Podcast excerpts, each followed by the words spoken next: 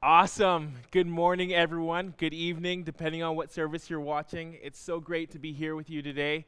We've been going through this amazing series called Bread in the Wilderness, where we've been able to look at this story in Exodus 16, where the, the people of Israel are groaning and they ask God, God, uh, give us manna.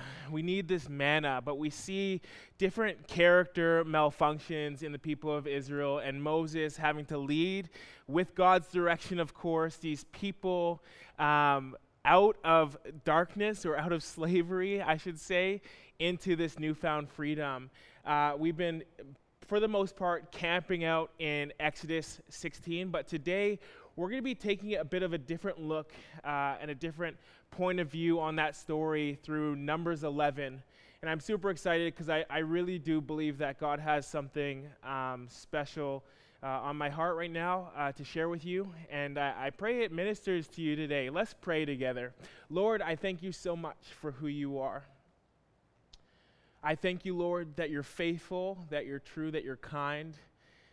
I thank you, Lord, that this freedom that you gave the people of Israel uh, just points towards uh, the freedom that you gave us through your Son.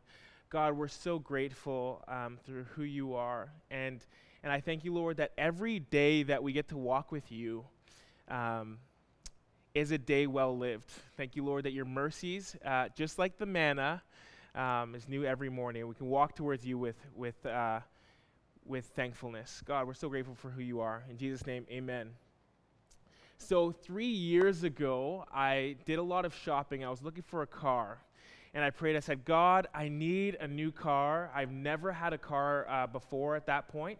But three years ago, I had this opportunity to shop, and I, and I was checking out the mileage, and, and, I, and, I, ha- and I had a few friends who were mechanics, and I got to call them and ask them, guys, what should I be looking for? They said, Daniel, when you're looking for a new car, you have to look for this, this, and this. And it was very much so a practical and a prayerful uh, time for me because I was, I was really on a hunt for a new car. And I got to this place where I'm like, I couldn't find a car. And I said, God, if you, if you want me to have a new car, you'll provide it. And for me, I finally found my beauty of an 07 blue Honda Civic, and I love it. It's a great car. Uh, Mariah will tell you that her Jeep Patriot is way better than mine. Uh, uh, truth be told, it is, but I still have uh, the Honda Civic, and I love it.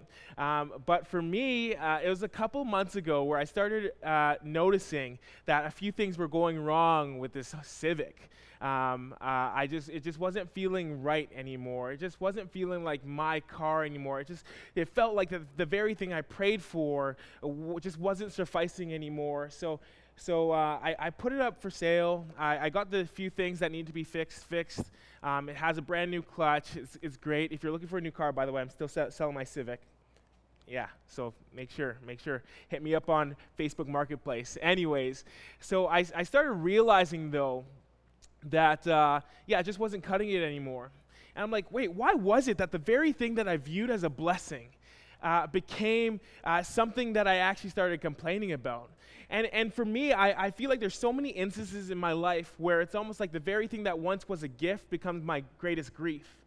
And I believe that oftentimes, whether it be a car or a house, or maybe it's kids, uh, maybe it's a spouse, even, the very thing that we pray for becomes the very thing that we want to return to God. And I believe that we see a similar thing with the people of Israel.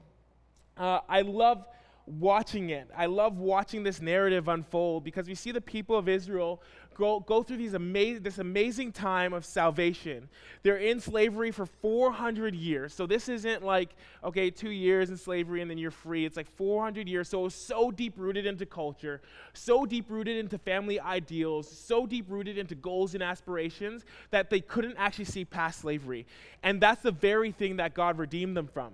And it was just this amazing thing. And I feel like uh, oftentimes when I read the story, of the people of Israel. I watch them and I see how they lived. And, and I remember when I was younger, I used, to, I used to watch this and I used to be like, oh, the people of Israel are the villains.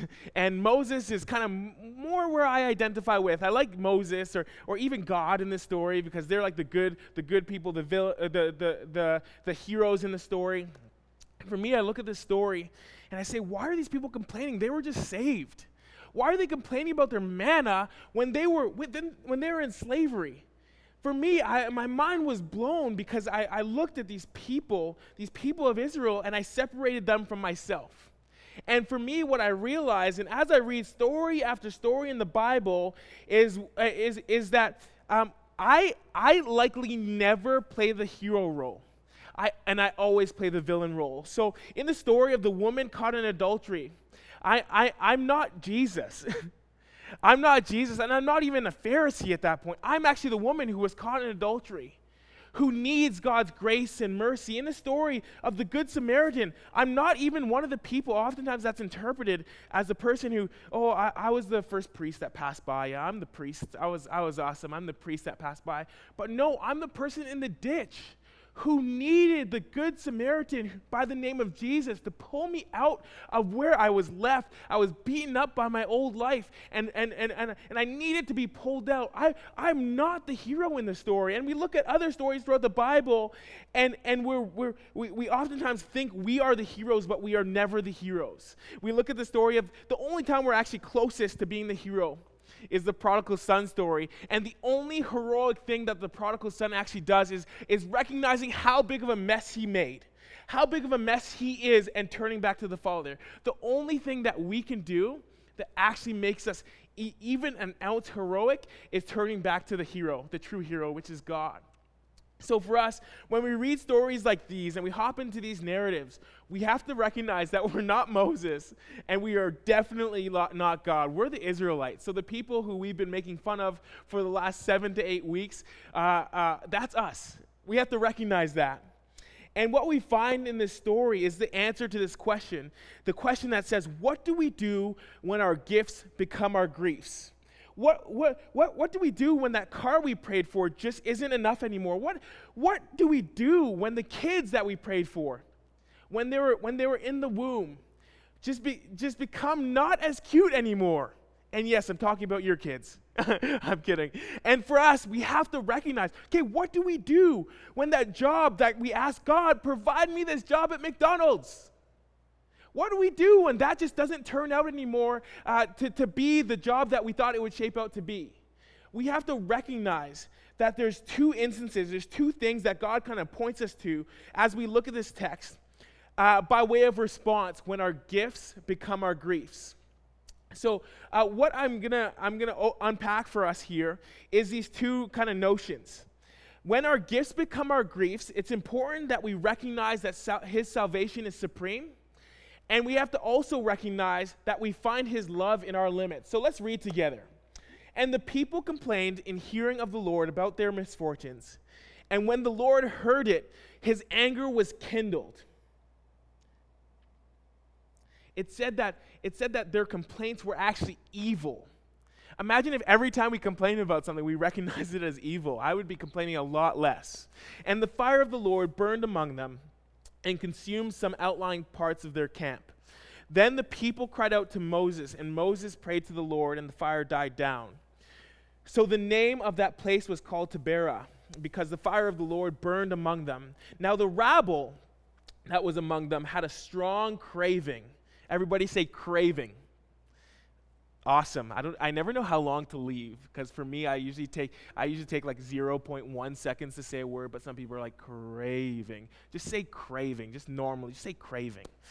And and uh, the people of Israel also wept again and said, "Oh, that we had meat again." In other words, I wish we still had meat to eat.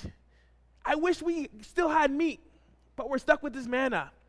We remember the fish we ate in Egypt, so they start remembering their past life that cost nothing the cucumbers, the melons, the leeks, the onions, and the garlic. I don't know, I don't know about you guys, but I, I love smoothies, but I probably wouldn't want that, co- com, co- uh, th- that collaboration in a smoothie. That wouldn't be too great.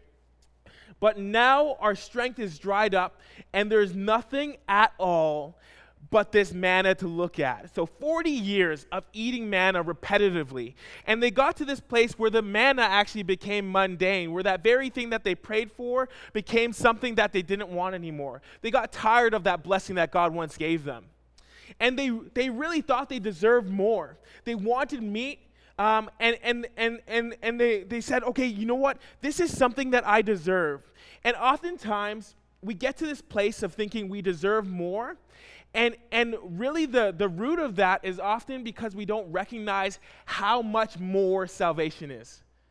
We don't, we oftentimes get to this place of saying, I deserve this or I deserve that, because we don't recognize how undeserving we actually are of his salvation. But when we recognize how big, how grand, how amazing, how freeing his salvation was, and as we live in remembrance of that, that's when we get to this place of thankfulness and gratitude. But as soon as we get to this place where we don't recognize how great, how supreme his salvation is, is the moment we start losing gratitude in the gifts that he's given us. So, first, when you're complaining about your gifts becoming your grief, you have to recognize that salvation is supreme. There's a gift that he gave us through the person of his son that no job, no, no amount of money could ever afford us, and it's salvation. I think oftentimes God actually positions us in these places of, uh, uh, in these times where we have to almost last on the blessing that He give, gives us, or the mundane manna, um, to recognize who the true manna is. We have to recognize that God's not just the source of the manna, but He is the manna Himself. I love what Jesus says. Jesus says, I am the bread of life. I am the bread of, I am your sustainer. Are we, are we as Christians, as are we as believers, are we as people who are pursuing the person of Jesus content with Jesus himself? I had this amazing conversation with a friend of mine recently, and we're talking about heaven and how amazing it's going to be. And he, and he said something that was challenging to me. He said, A lot of times, um, if you were to pose something like this to a, to a Christian friend or someone who's following Jesus, and you say, oh my goodness, heaven's gonna be awesome.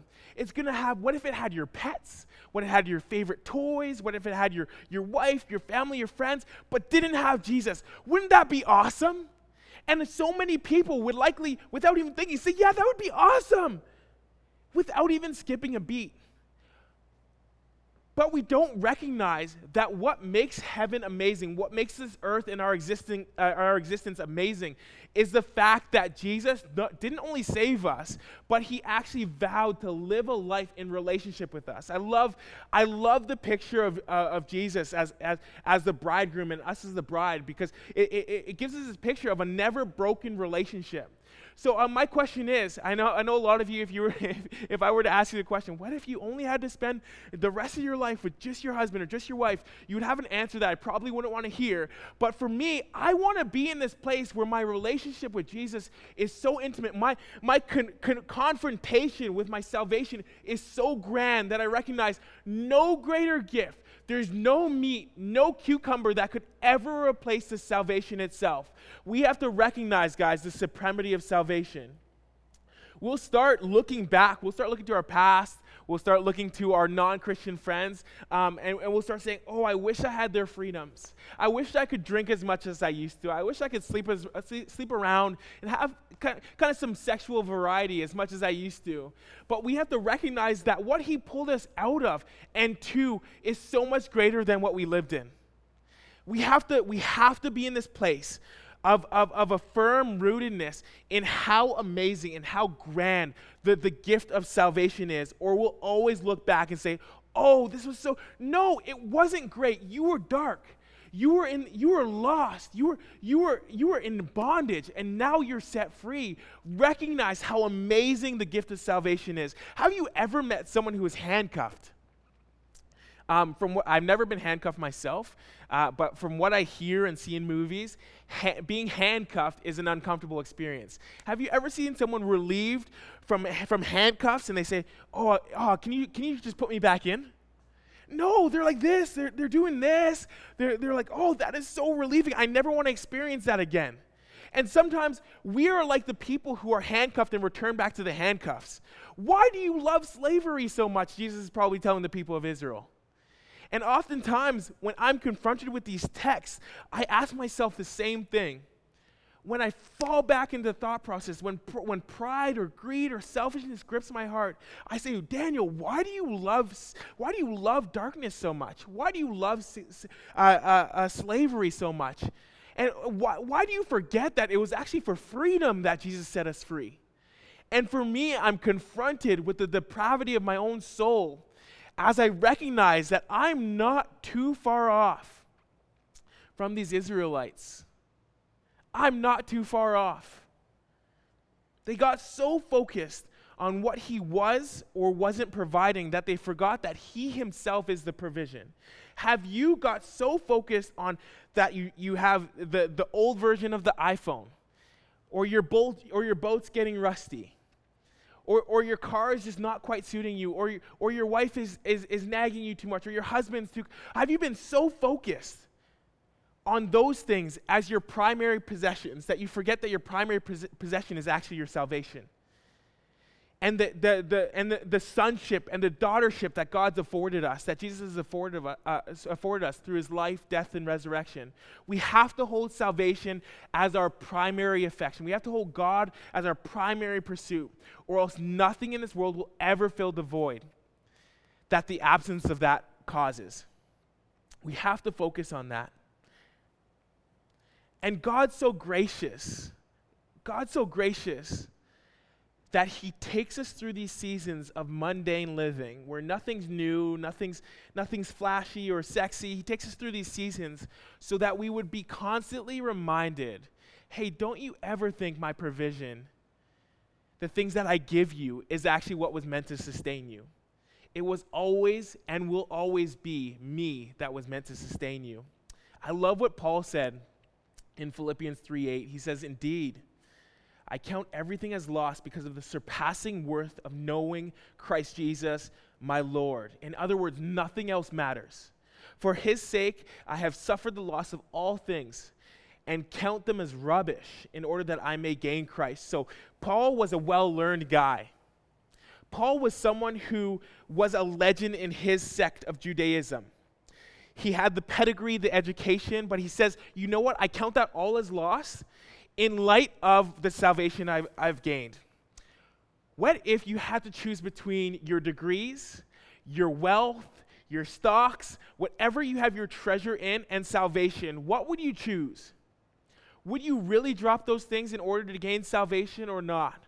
I love when Jesus challenges that guy in, uh, in the Gospels. He says, he says, he says, okay, now go, go sell all your possessions and give it to the poor and come follow me. And the guy, the guy left, left angry or perturbed, some versions say. We have to recognize that salvation always has, has to be our first choice, or we'll never be satisfied.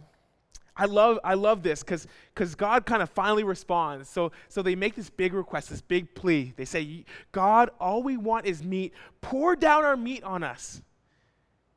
And in the first half, we learned that salvation is supreme, but in the second half, we learn this other lesson. But I'm going to read. Therefore, the Lord will give you meat. So that thing that you requested, you know what? I'm going to give it to you. And you shall eat. You shall not just eat for one day or two days or five days or 10 days or 20 days, but a whole month until it comes out of your nostrils and becomes loathsome to you because you have rejected the Lord. That sounds disgusting. Let's keep reading. Then a wind from the Lord sprang up, and it brought quail from the sea. So, quail is like this little bird, um, probably a third of a chicken, to, to, put, to give you some perspective, if that helps.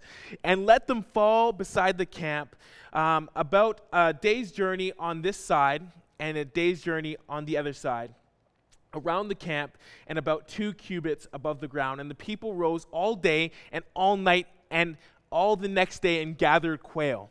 So they're staying up all night. They're loving it all night, all day, staying up all night to gather this quail. Those who gathered least gathered 10 homers. We have to recognize that 10 homers works out to be about 1,900 birds weighing about 475 pounds. So that's just for one person. So, so just for a fun fact, I was reading this kind of bird um, directory, and it says that it's slightly larger, larger than a California quail and smaller than a gray partridge. So that didn't help me at all, but maybe someone out there that will help, but that's about the size of it. And they spread them out for themselves all around the camp, making quail jerky. If you're wondering, they were making quail jerky. To dry it. Um, while the meat was yet between their teeth before it was consumed, the anger of the Lord was kindled against the people, and the Lord struck down the people with a very great plague. Therefore, the name of the place is called Kibroth Hattaavah, because there they buried the people who had the craving, the people who longed, the people who were addicted, the people who just, just, just so desired their past. From Kibroth Hattaavah, the people journeyed to Hezroth, and they remained in, at Hezroth. The second point that really just wrecked me is that we have to see his love in our limits. Sometimes we look at our limitations and think it's a sign of God's lack of provision, but oftentimes it's those very limits that point to his love. I remember anytime we, uh, uh, around, around the fall, I know, I know some of you celebrate Halloween. My family growing up, we didn't, uh, but we did something at our church called Hallelujah Night. I know it's classic, kind of Christian cliche, but it was Hallelujah Night. It just so happened to be on October 31st. And we came together, we got candy, we played games, we listened to, to, to a devotional shared by, by one of our pastors. And I came home with this big bag of candy. My parents said, Take three. Um, you can have three now and then leave the rest for later. And, and I know uh, many of you parents um, uh, love that and can resonate with that. Many of the, the kids hate that and resent that, and even in you right now is birthing some hatred and anger. Uh, the Lord will forgive you of that, three year old. Thank you. Um, but my parents, because they, li- they, because they love me, they actually pulled out three candies and said, Here, because I love you, don't want you to, don't want you to, to get sick. Don't want your teeth to rot out. I'm going to give you these three. And for me, in the moment, I felt like, oh, my parents are, are limiting me. Why do they hate me like this? I want my candy. But it's like, no. They're showing me this love that, that actually God shows us in, the, in this instance remember that manna came with limits. So with manna, it says only, they, they, God said, only collect six days a week. Take, take the Sabbath on the seventh. Only collect what was needed for the day at hand, no leftovers. Uh, thank you, PB. No limit, no leftovers, or uh, no lack, no leftovers, sorry. And then no one is to keep any of it till the morning. So they're supposed to sleep, they're supposed to rest, they're supposed to live within their limits and recognize that it's actually the Lord's love that we see through our limits. And it's, it's just so amazing what happens here is because as they as God gives them all that they wanted, because remember, God is God is someone who loves us so much that he gives us a free choice. So he says, okay, you don't want me? Okay, I will give you the extent of what you want. And what we have to remember as just as a kid on just as a kid on, in Halloween would never be fully fulfilled if they finished all their candy in one night. God is saying you will never be fulfilled if you live life in a limit, limitless way.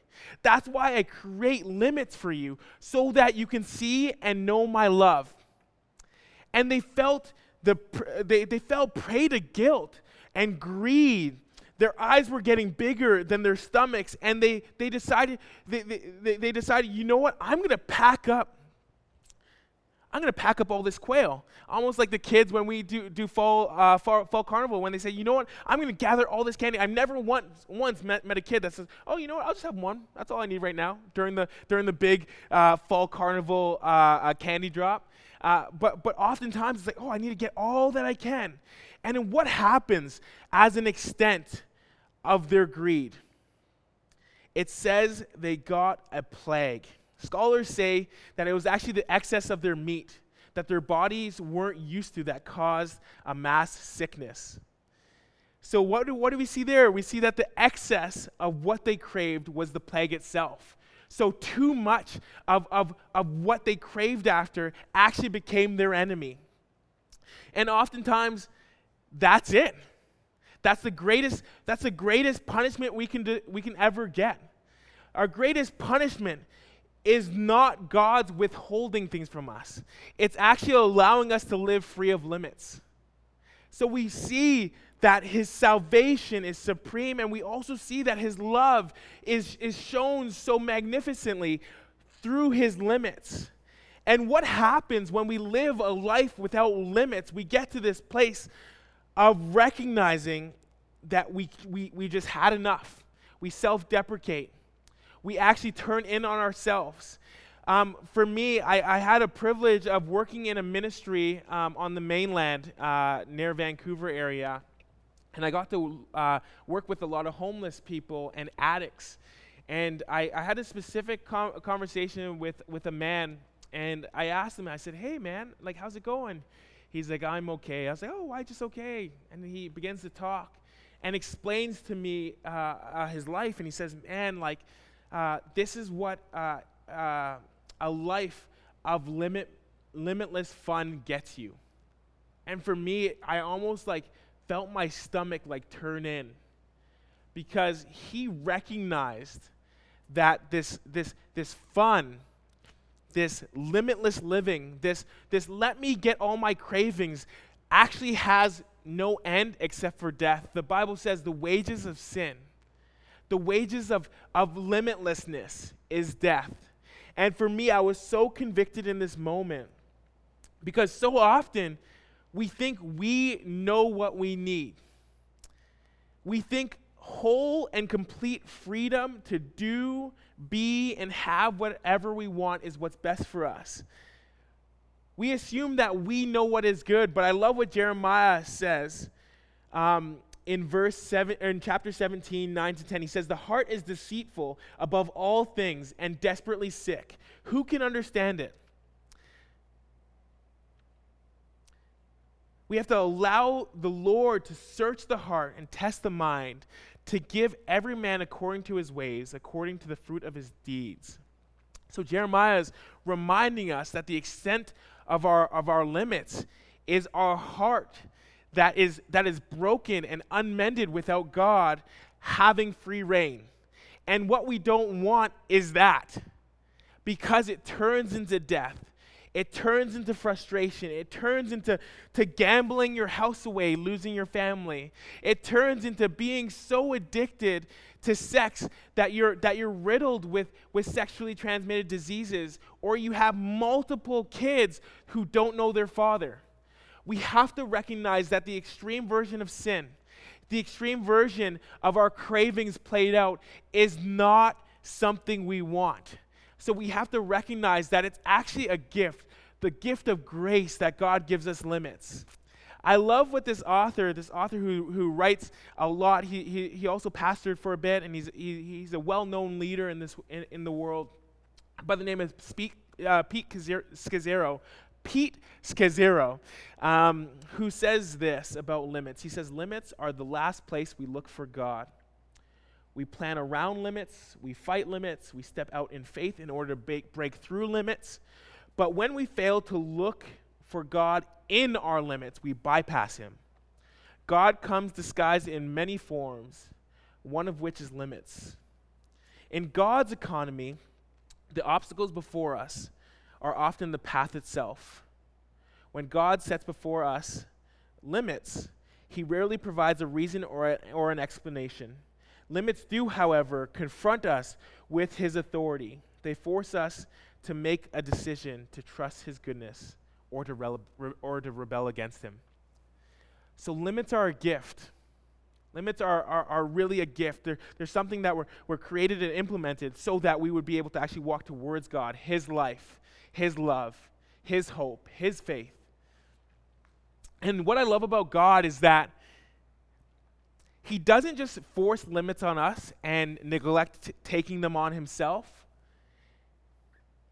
but he actually takes the limits on himself so that we could be loved in ours. I love what Paul says in Philippians 2 6 to 8. He says, Though Jesus was formed in the image of God, formed of God, sorry, we were formed of the image of God formed of God, he did not count equality with God a thing to be grasped, but emptied himself by taking on the form of a servant, being born in the likeness of men, and being found in human form, he actually humbled himself by becoming obedient to the point of death, even death of the cross. So God was limited so that we can see his love through our limits. And today, I want to invite you, if you haven't already, to say yes to this God of limits. This God who says, I've taken on this level of limit so that you can find my love in your limits.